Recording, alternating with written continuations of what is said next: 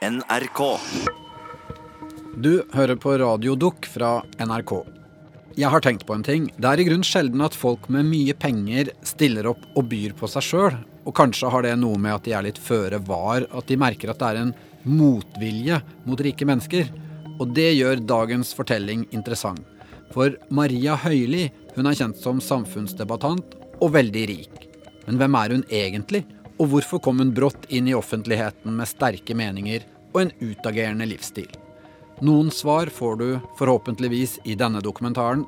Maria Høili, riksprovokatøren og kjærligheten. Laget av Marte Solbakken. Det blir alltid feil uansett hva jeg sier, og sånn er det med mennesker som tør å stikke huet fram. Er, de finner alltid noe å ta deg på. Maria Høili. Du kjenner henne kanskje som kjendisblogger, europrisarving, eller hva med riksprovokatør? Du husker kanskje det innlegget hun skrev om at det er vondt å være rik? Maria Høili, du arver mye penger fra faren din. Hvor mye? En del. Ja, jeg trenger ikke å si tallet, men eh, over 100 millioner. Hvorfor er det vondt å være rik? Uh, jeg skrev jo Det der fikk mange til å se rødt. Eller hva med den gangen hun kritiserte Asker Røde Kors for å bare bry seg om flyktningbarn? Det er jo mange som reagerer med avsky. Selvfølgelig at jeg setter to svake grupper opp mot hverandre. Eh, noe som jeg kan forstå også. Det tok hun riktignok tilbake i etterkant, men i mellomtiden hadde det kokt helt over, både i mediene og i kommentarfeltet på bloggen hennes, der hun får kommentarer som 'håper du dør av kreft'. Eller hva med da hun terget på seg feministene på høsten 2016 med å si nei til likestilling? Du setter jo kvinner og menn i bås. Du sier at kvinner skal være her, menn skal nei, være der. Og, men likevel, de rollene og de oppgavene, det er opp til individer. Det er opp til ja, parene hvordan de skal Det er ikke opp til de lenger, jo, fordi samfunnet det. krever det av de. Det er det som er problemet. Hvis jeg går hjemmeværende nå, da, så spør du meg hva jobber du med? Nei, jeg er hjemmeværende. Å ja, er du hjemmeværende? Du har jo ikke noe jobb. Du er jo ikke sånn. hjemmeværende ja, for alltid heller, da. Sånn men, men, er det ikke viktig at Du blir jo sett ned på Høylig, hvis du har lyst Høylig, er, det ikke viktig, altså, er det ikke viktig at man har valget? Jo, det har jeg sagt. Ja til like muligheter. Maria har også foreslått at alle flyktninger burde fengsles når de først ankommer Norge, og slått et slag for intimkirurgi. Det er opplagt at mange lar seg provosere. Men det jeg lurer på, er hvorfor hun dukket opp sånn helt plutselig og begynte å kaste brannfakler i alle retninger på senhøsten i 2015. Hva var det som fikk henne til å mene ting så høylytt, sånn helt ut av det blå? Hva vil hun egentlig? Det har jeg tenkt å finne ut av. Dette programmet skulle også handle om da Maria ville starte et nytt liv i Venice Beach i LA.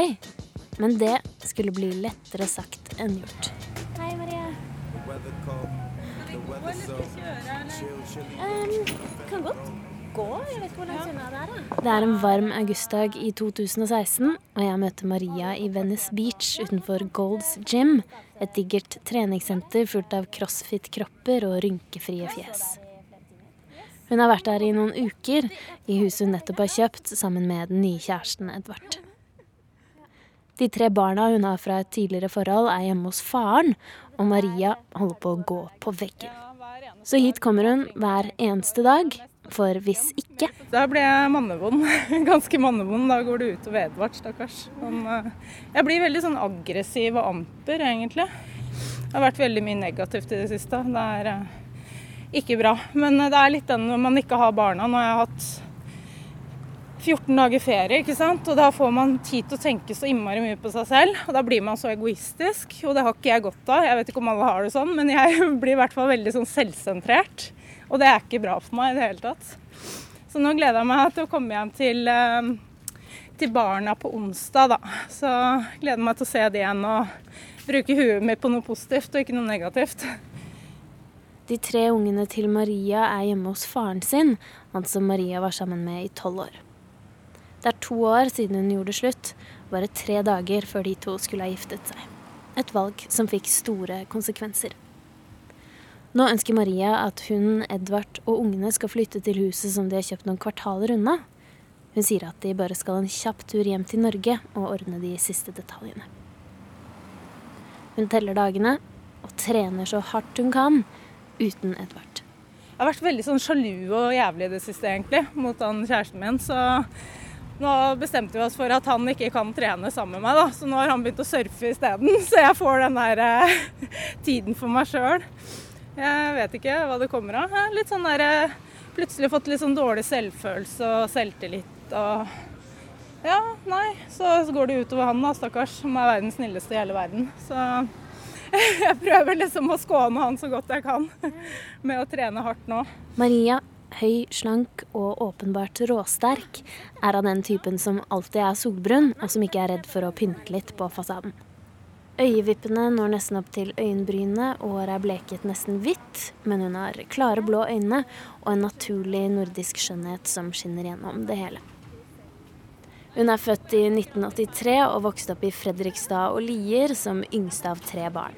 En skikkelig attpåklatt. Faren hennes grunnla Europriskjeden, og da Maria var 25 år, fikk hun forskudd på arv. Et veldig, veldig stort forskudd.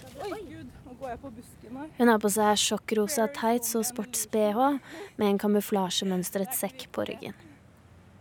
Armene og hendene er fulle av tatoveringer, og enda flere skal det bli. Sånn går det nemlig når Maria Høili har for mye tid til å tenke. Nei, det er den derre eh, dumme, selvsentrerte uh, følelsen uh, som bare kommer og spiser meg opp innvendig.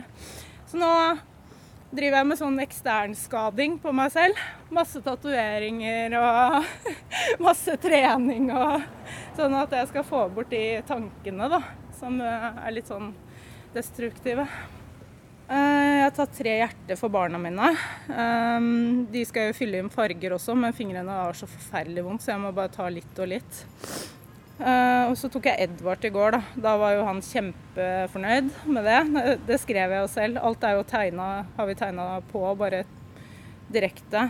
Og det er liksom the key to my heart. det er litt søtt, da, er det ikke? og så er det the queen of hearts, sånn som jeg ser meg selv, da. Eller prøver å se meg selv når jeg er god med meg selv, i hvert fall. Ja, Som jeg også må fylle i farge, da. Det har jeg ikke gjort ennå. Hva legger du i det? Queen of Hearts? Nei, det er at eh, jeg skal få fram de gode sidene i meg selv og fokusere på det gode, da. At jeg er egentlig en, en veldig snill og god jente, men det er ikke alltid det kommer fram. Så nå må jeg bare minne meg selv på at jeg, jeg, er egentlig en god person. Så jeg bare prøver å generere den energien til noe positivt, da, ikke noe negativt. Vi krysser hovedgata Abbot Kinney, der Maria og Edvard har tenkt å starte smoothiesjappa Pretty Smooth innimellom designbutikker og eksklusive restauranter. Planen er å ha en kjempelansering om bare få måneder og skape blest rundt det hele ved å lage verdens største smoothie. Men først må Maria og eksen bli enige om hvor barna skal bo. Nei, fy søren, det er deilig her nede. Altså. Man har liksom aldri lyst til å dra hjem. Uff, slitsomt nå drar du om et par dager? Ja, vi drar på onsdag. Jeg gleder meg veldig til å se barna, selvfølgelig. Men jeg skulle ønske at jeg bare kunne ta det med meg rett tilbake, på en måte. Men uh, jeg er jo en del av sånn uh, legal i forhold til uh, barnefaren og en del ting vi må finne ut av, da. Jeg skjønner jo han også som Det er jo andre siden av verden, på en måte. Så skjønner jeg på en måte den der At du mister jo helt kontrollen, ikke sant. Så jeg prøver jo å være diplomatisk, selv om ikke det alltid er lett i tider, det heller. Det blir jo mye kvalme og krangling og Vi kommer fram til huset som ligger midt mellom Abbot Kinney og stranda. Det er her. Vi skal rett ut. Vi skal bare bøsse oss inn. Det er et ganske enkelt hus i betong, i hvert fall til Maria å være. Ikke en eneste gresk søyle er å se.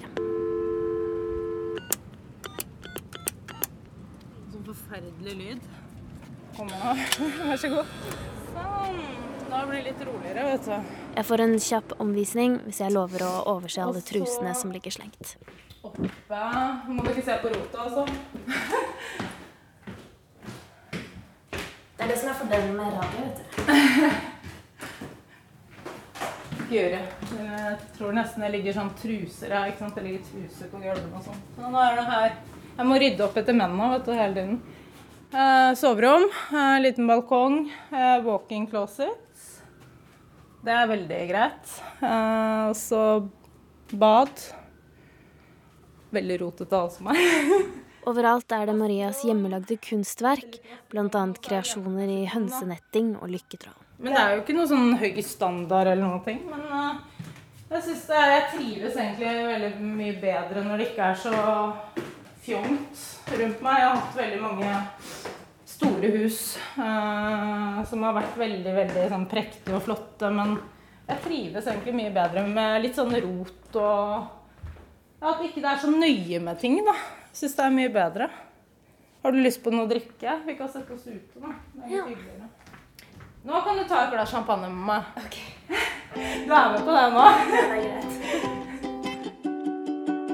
Dette er Maria Høili, kjapt oppsummert. Hun er altså født i 1983. Foreldrene skilte seg da hun var fire, og både moren og faren startet nye familier på hver sin kant. Da Maria var 15, kranglet hun og moren så mye at hun flyttet inn til storesøsteren i stedet. Da hun var 25, fikk hun 140 millioner i forskudd på arv fra faren Terje, som hadde startet Europriskjeden.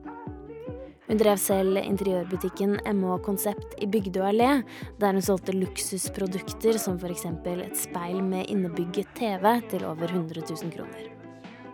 Hun er utdannet coach, samler og selger kunst, og driver altså en av landets mest omstridte blogger.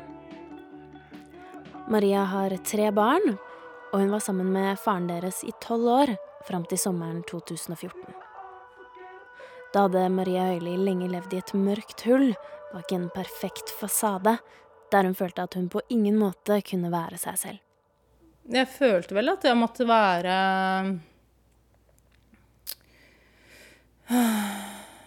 ekstremt takknemlig for alle de jævla pengene jeg har fått, egentlig.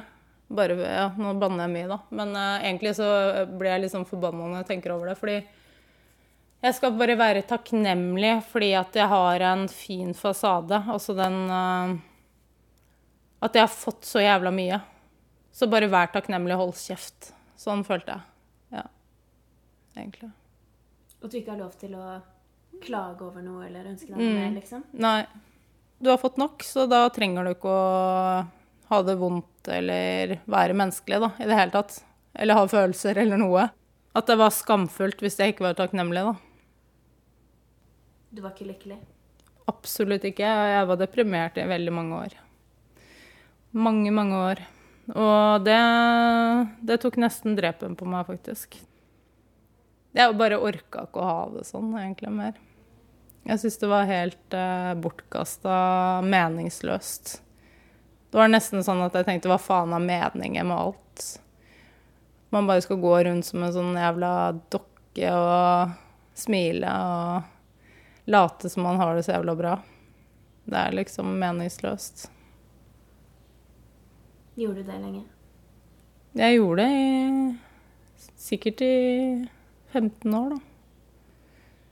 Så Nei, så jeg hadde lyst til å ta livet av meg selv til tider der. Og det som holdt meg oppe, egentlig, det var treninga. Det som klarte å drenere bort det dårlige, da. Men eh, jeg trente meg jo nesten i hjel en periode, og fant ut at uh, jeg kan jo ikke fortsette sånn her. Uh, så det var da jeg tok avgjørelsen også med å bryte med min eks. Uh, vi skulle jo gifte oss fordi det var liksom så riktig sett utenfra, det òg. Alt var liksom bare et spill. Eller et skuespill, da. Maskeradeball. så um, Nei, det var, det var tøffe tak. Det, det var stor omveltning. Og jeg følte meg så sinnssykt egoistisk, på en måte. Å gå fra en jeg hadde vært sammen med i tolv år, som jeg hadde tre barn med fordi jeg ikke var lykkelig. uh, uten å kunne sette fingeren på hvorfor, annet enn at en måte jeg aldri hadde kunnet være meg selv. Da. Eller hadde noe verdi. Følte du ikke at du hadde noen verdi? Eh, nei, jeg har følt meg verdiløs i veldig mange år. Um, så det er vel riktig å si at jeg Ja, også identitetsløs, egentlig. Jeg ikke For jeg har jo alltid vært datteren til. Det har jeg ikke hatt noe identitet. Så det er jo den uh, Det er jo ikke det at ikke jeg jobba og strevd og gjort mitt beste, men det er det at du, du er ikke du er ikke din egen person, da. Du er bare noe Du er et produkt av, på en måte. Men den oppfatningen, at hun bare er datteren til, slipper Maria Høili her i LA. Ingen vet hvem hun er, eller hvem faren hennes er. Ingen har lest bloggen hennes. Og sånn sier hun at hun vil ha det. Jeg eh, sier jo her borte, så forteller jeg ingen om noe, egentlig. Jeg holder liksom Hele min fortid er på en måte noe jeg ikke kommer til å fortelle om, tror jeg også. Som ikke har noe betydning. fordi her kan jeg på en måte være meg selv og bli akseptert da, som den jeg er. Uten noe fordømning. Egentlig så er jeg eh, en helt annen person enn det jeg har kanskje vist mange ganger i media. Fordi at Det er blitt sånn, det har liksom gått sport i den der bevisningsfaktoren. ikke sant? Uh, og jeg har vært livredd for å være ydmyk, fordi da er jeg svak. ikke sant? Og da kan de ta drepen på meg. Jeg har nesten følt det sånn. altså. Men tilbake til dagens program, for Maria har ting å utføre. Hun og Edvard skal fly tilbake om tre dager, og før det skal flere kvadratdesimeter hud dekkes med blekk. Nå skal vi tatovere. Så Maria og jeg stikker for å møte Edvard. Han ligger på en benk i en tatoveringssjappe nede ved stranda og rister av smerte. Sammen med radio. Hei. Oh, that's a big one. Cool. Det er kult, da. Han tok en uh... Ja, dere kan jo hilse på hverandre. Hei. Edvard, hyggelig. Han er, driver og lager sånn happy legs. Så i går tok jeg en Du må vise den andre leggen. Marias kjæreste og forlovede, Edvard Erken, er en selverklært flip-flop-entusiast fra Hedmark med halvlangt brunt hår og snille øyne. Han er veltrent, sånn som Maria, og har skrubbsår på magen fra mange surfetimer. Han ser allerede ut som en innfødt Venice-beboer med singlet og surfeshorts til enhver tid. Og hvis Maria er, sånn som hun sier selv, sjalu og jævlig, ser han ut til å ta det med knusende ro. Ja, men det går over. Det er jo low and hate på samme tid. Er det ikke det lidenskapet er? Da krangler man jo, så busta fyker av og til også. Det er jo helt normalt. Det er vel det som gjør hverandre gode, da. Tenker jeg. Ja, vi er verdensmestere til å innrømme våre feil òg, da. Da er det enklere å jobbe med det òg, egentlig. Mm. Ærlighet var lengst, er det ikke det det heter? Ja. Ah, ah. Ja, Edvard har Marias navn tatovert på ringfingeren, i tillegg til et portrett av henne på den ene overarmen. Hun står i G-streng og ser seg over skulderen med indianerfjær på hodet. Og i morgen skal den virkelig store tatoveringen lages. Et portrett av ham og Maria sammen i et hjerte over hele ryggtavlen. Så jeg gruer meg. Så det kan ikke være noen andre i livet mitt etter det. Det tror jeg vil bli trøbbel, for å si det sånn. Under the skin. Vil du gjøre det? Jeg vet ikke. Jeg føler for det. da. Det er lidenskap. Hun er den eneste for meg. da. Og jeg syns hun er så vakker, så da må man aldri glemme det. Man utfyller hverandre, så da føles det riktig å gjøre det. Så er det jo hun jeg lever for og ånder for, så da blir det riktig for meg å gjøre det. Veldig lyst til å gjøre det. Den store tatoveringen kommer til å ta rundt ti timer, og Edvard regner med å omtrent dø av smerte. Det skal skje i morgen, bare to dager før de skal fly tilbake til Norge. Der blir de i tre uker, sier Edvard til tatovøren. Så kommer de tilbake. Men sånn skal det ikke gå.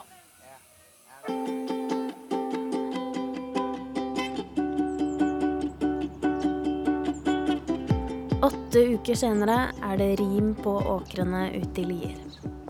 Jeg kjører inn på gårdsplassen til Maria og skjønner med ett hvorfor hun syns at huset i Venice er lite. Her er det søyler ved to inngangspartier, fontener, prydbusker og en innkjørsel på størrelse med Slottsplassen. Maria har tatt litt mye Restylan i leppene, men heldigvis går det greit å snakke. Hei, forresten. Da Maria og jeg sist møttes, hadde hun håpet å ta med barna tilbake til USA etter bare noen uker. Men det var ikke faren deres enig i.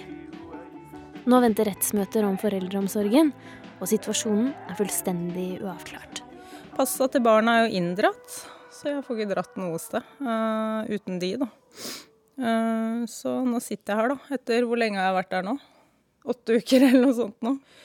Vi er så uenige man kan bli akkurat nå, og det er litt kjedelig, egentlig. Uh, nei, vi tar det rettsmessig. Vi blir jo ikke enige nå. Så det får bli sånn. Så hvordan havnet Maria i en så fastlåst situasjon? Vi må skru tiden tilbake et par år, til en dag på Elixia i Sandvika, der Maria trente hver dag, og der Edvard drev smoothiebutikk. Husker du første gang du så ham? Mm, ja, jeg gjør vel det, i og for seg. Uh, jeg tenkte at han var en raring. Så husker jeg kom inn og hadde ikke spist, og jeg var så jævlig sulten. Og um, jeg hadde den der spinningtimen, og så løp jeg bort, og jeg må bare ha noe fort. Og så sier jeg men jeg kan ikke ha is i, jeg kan ikke ha banan i, fordi jeg var sånn veldig sånn helsefokusert og skulle ned i vekt og stressa noe jævlig. Uh, så Så ingenting av det han hadde, var bra nok. Så han ble egentlig ganske irritert på meg den første gangen.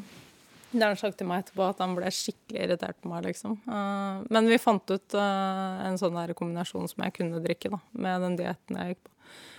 Så nei, det var første gangen. Han likte ikke meg, og jeg likte ikke han noe særlig. Egentlig.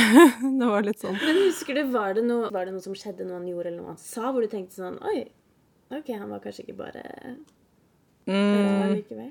Jo, jeg husker veldig godt og Jeg tror han har vært på date eller noe sånt. Og så spurte jeg ja, hvordan ser drømmedama di ut, eller noe sånt. Kom jeg med en sånn kommentar. Nei, hun ser ut som deg. Og da tenkte jeg, og da ble jeg sånn skikkelig flau. Jeg husker det så godt ennå. Jeg bare hva faen var det for noe? Og så hadde jeg jo eh, den sykkeltimen min, så kom jeg ut igjen, og så kom hun rundt, og så begynte hun å massere meg. Og da ble jeg jo enda mer eh, stressa. Så Nei, det var den dagen. Det husker jeg veldig godt. Og etter det så begynte jeg kanskje å se på, se på den litt annerledes på mange måter. Jeg ble helt sånn varm i hele trynet, i hvert fall. Jeg ble skikkelig flau. ja. Det var likevel bare et vennskap, sier Maria, som kom akkurat da hun trengte det mest, midt i en bekmørk tid. Jeg gikk eh, på autopilot, ja. De siste åra så hadde jeg lagd meg rutiner sånn at jeg skulle overleve dagen, egentlig. Jeg var jo bare tom. Jeg var jo uten noe som helst av følelser. Og det eneste jeg levde for, var barna, på en måte. Hadde ikke de vært der, så hadde ikke jeg vært her heller. Jeg husker jeg sto opp om morgenen, og så tok jeg på meg eh, musikken i øra. Og så gikk jeg bare rundt liksom, for meg sjøl, selv, selv om barna var der og sånn. Men bare sånn for å blokkere ut nuet, egentlig, i det hele tatt. Um, spiste, uh, trena. Trena sånn at jeg egentlig ikke klarte å stå på beina. Fordi at da skulle jeg Nei, jeg vet ikke, drev med selvskading. Jeg har ikke peiling på den psykologiske aspektet av det, egentlig. Men det var den derre Å slite meg ut, liksom. Sånn at jeg slapp å tenke. Sånn jo mer sliten jeg var, jo mindre tenkte jeg. Men da husker jeg også at jeg trente, og så sov jeg. Da måtte jeg sove et par timer kanskje etter treninga fordi jeg var så jævlig sliten. Og så husker jeg liksom bare venta på at kvelden skulle komme, da. Sånn at jeg kunne gå og legge meg igjen. Maria vokste opp i en familie der hun opplevde at det ikke var akseptert å snakke om hvordan man hadde det. Så alt måtte holdes inne, og man måtte bare holde ut. Du ser ikke noe fremtid. Du ser liksom ingen lys. Lyspunkter. Uh, det blir sånn håpløshet. Um, og så føler du at du egentlig ikke kan dele det du føler med noen andre heller, fordi det er liksom skammelig. Da. Men det er liksom det som har lagt lokk på hele min tilværelse. Det derre hold kjeft, du har fått så mye, ikke klag. Skjønner du hva jeg mener? Det er, eh, det er de orda liksom som har gått igjen i hodet mitt hele veien. Så jeg har liksom bitt denne sammen og levd uten mening, på mange måter. Ja. Man kan ikke kjøpe seg lykke. Man kan ikke kjøpe seg kjærlighet. Eller omsorg. Eller ærlighet, tillit, rettferdighet. Ting er bare ting. Herregud, altså. Så det tok mange mange måneder før jeg liksom klarte å komme opp igjen etter det. Ja, og så møtte jeg jo Edvard, da, oppi det hele. Vi var jo venner i åtte måneder før jeg brøyt. Så det var liksom den derre Jeg vet ikke, kjærligheten til han også på mange måter som gjorde at det var enklere å gjennomføre, da. At jeg hadde liksom en, en mulighet til en ny begynnelse. Ikke bare bruddet og meg selv og barna, men at jeg hadde liksom noe å lene meg på, da.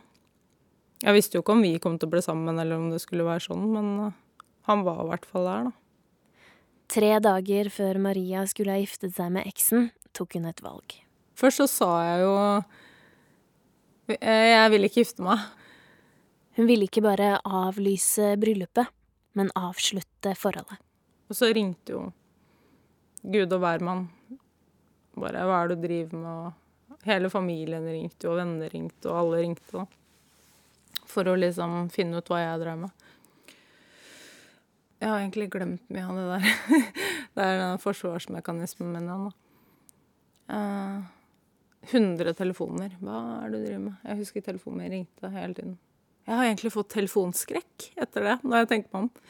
Jeg har nesten ikke tatt telefonen de siste åra. Jeg bare kommuniserer på SMS. Og så orker jeg ikke å ta når folk ringer. Jeg tror det har en sammenheng nå, når jeg tenker på det. Men jeg hadde liksom prøvd å si ifra lenge òg, da. Eh, sånn at jeg ikke var lykkelig, at jeg ikke hadde det bra Så da ble det brutalt, da, til slutt.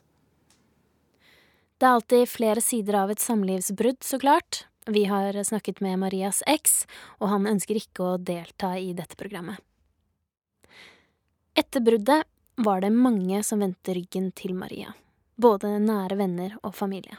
De skjønte ikke helt uh, hva jeg drev med. De trodde jo jeg hadde blitt sinnssyk og måtte legges inn og få medisiner og uh, Ja, at noen hadde lurt meg til å gjøre det. Det var masse greier, da. Uh, og hvis jeg på en måte ikke bet tenna sammen og ba om tilgivelse, på en måte, så, så kom det ikke til å være der for meg.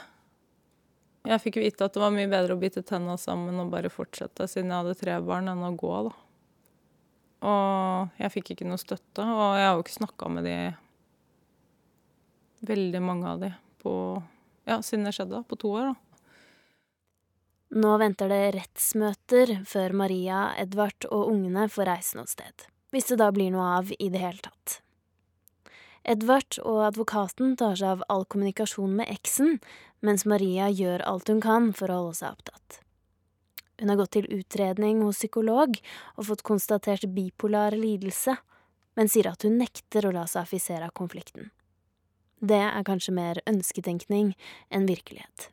Men uh, hun psykiateren nå, hun sier at det her, det her er jo vanvittig press på mennesker. Og så har jeg liksom tenkt nei, nei, det er det ikke. Fordi at jeg prøver å undertrykke det hele veien. ikke sant? Hun, sier ja, det her må jo belaste deg veldig i hverdagen. Nei, nei, tenker jeg. Det gjør det ikke. Men det gjør jo det, ikke sant. Det er liksom jeg som prøver å fortelle meg sjøl at det ikke gjør det. Fordi da får jeg ikke konsentrert meg om de tingene jeg må gjøre. Hvis jeg bare skal se meg selv som et offer av situasjonen, da blir jeg jo offeret. Og det er jeg dritredd for. Så jeg prøver vel å undertrykke eller borttrykke eller feie bort da, hele veien når ting blir sånn vanskelig, når det går inn på meg. Så, så prøver jeg å si nei, nei, det gjør det ikke. Det gjør ikke det. Prøver å overbevise meg selv om det, da. Selv om jeg vet det gjør det. Veldig. Så nå jobber Maria som en gal for å holde seg distrahert.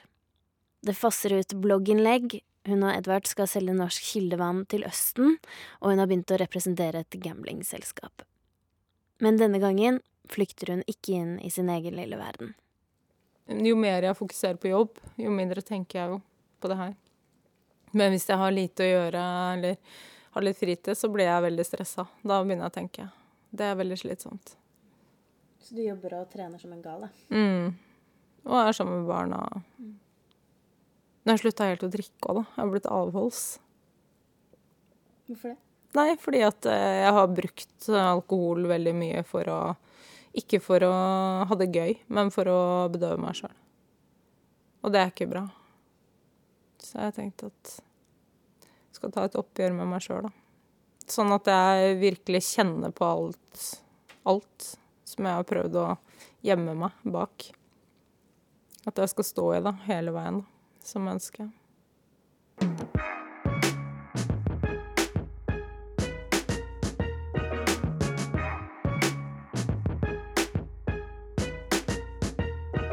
Det er jul og fortsatt solskinn i LA, så klart.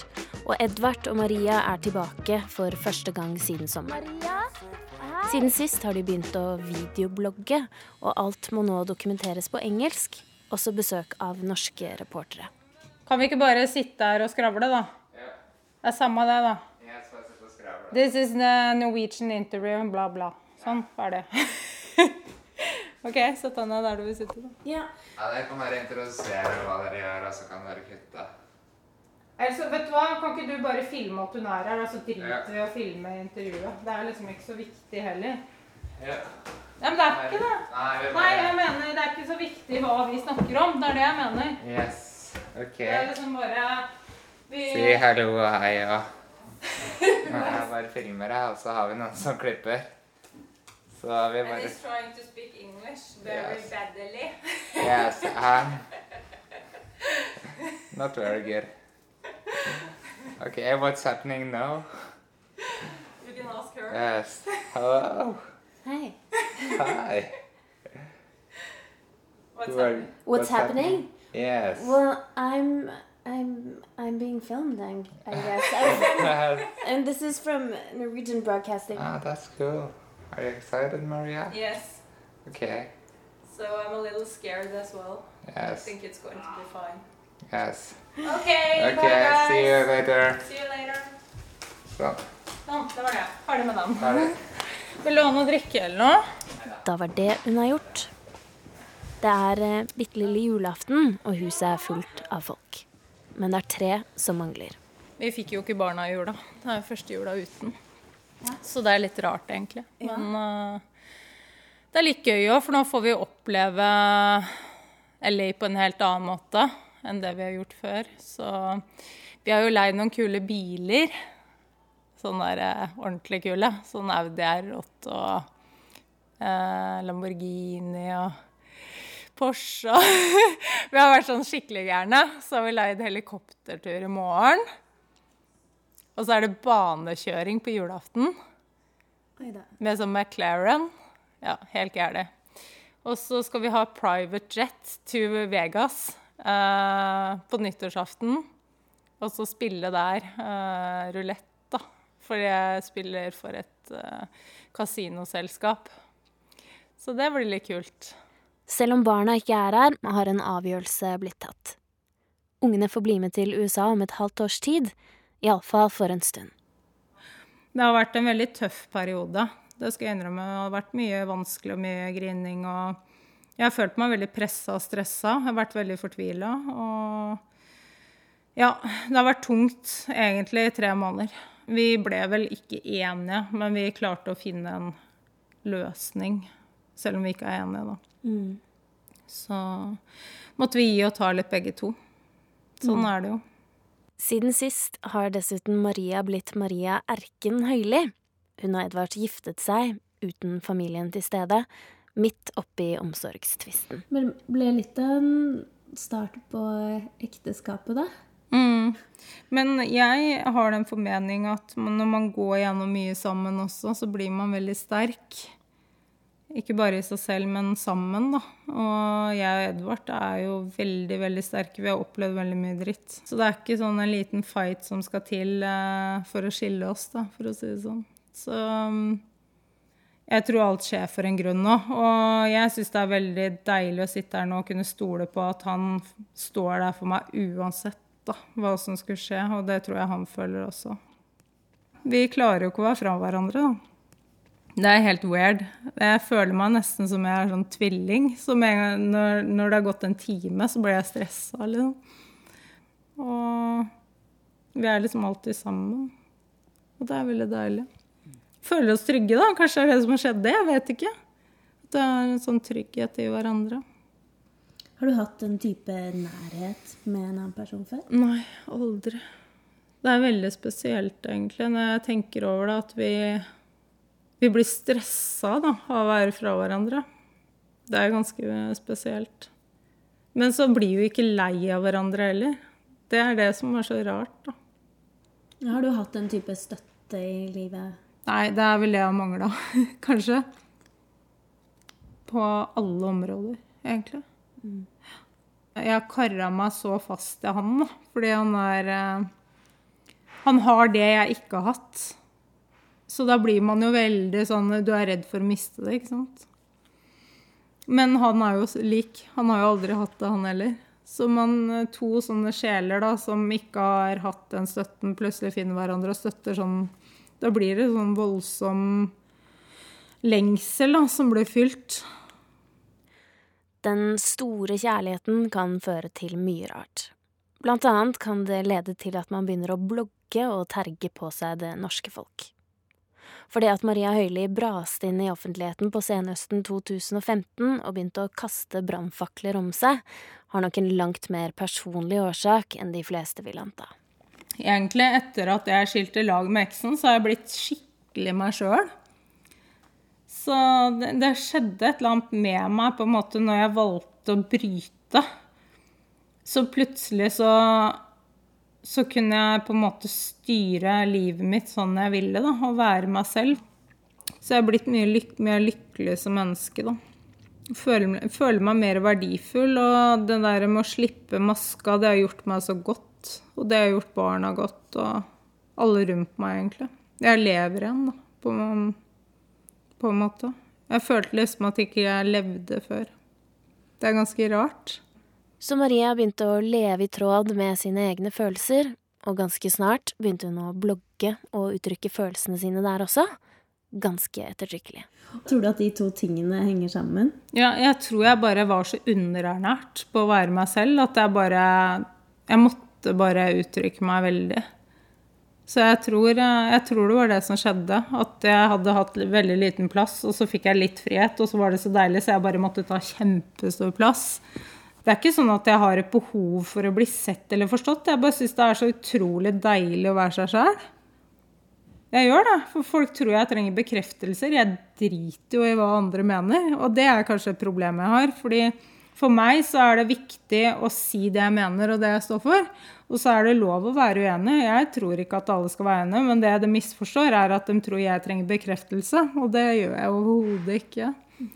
Tror du at du hadde deltatt i offentligheten på denne måten hvis du fortsatt hadde vært nei. i det nei? nei? Nei, nei, I det gamle forholdet ditt? Nei.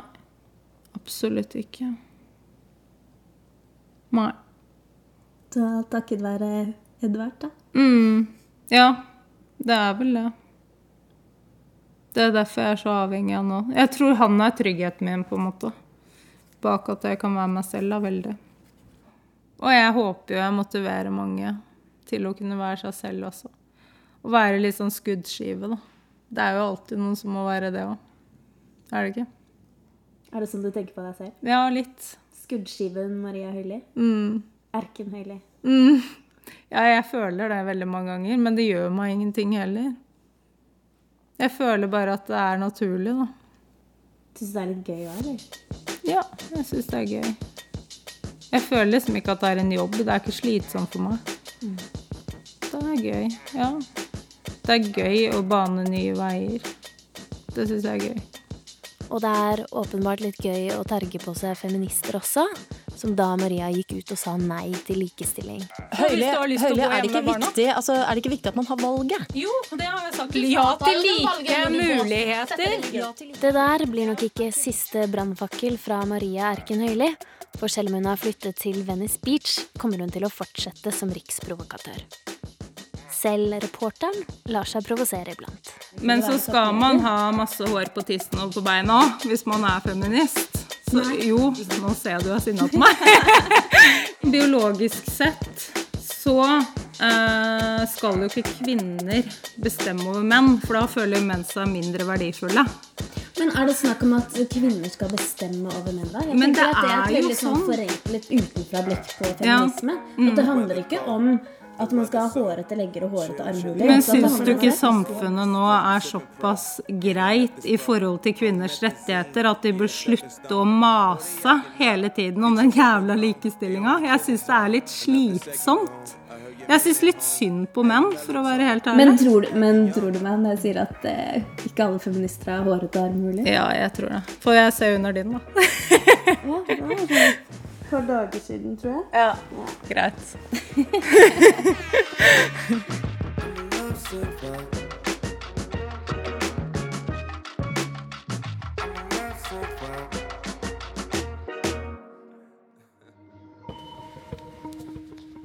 Du har hørt Maria Høili, 'Riksprovokatøren og kjærligheten' av Marte Solbakken. Lyddesigner det var Kjetil Hansen, og jeg var konsulent og heter Kjetil Saugestad. Har du synspunkt eller noen spørsmål til oss, så kan du sende en e-post til radiodok at nrk.no. NRK.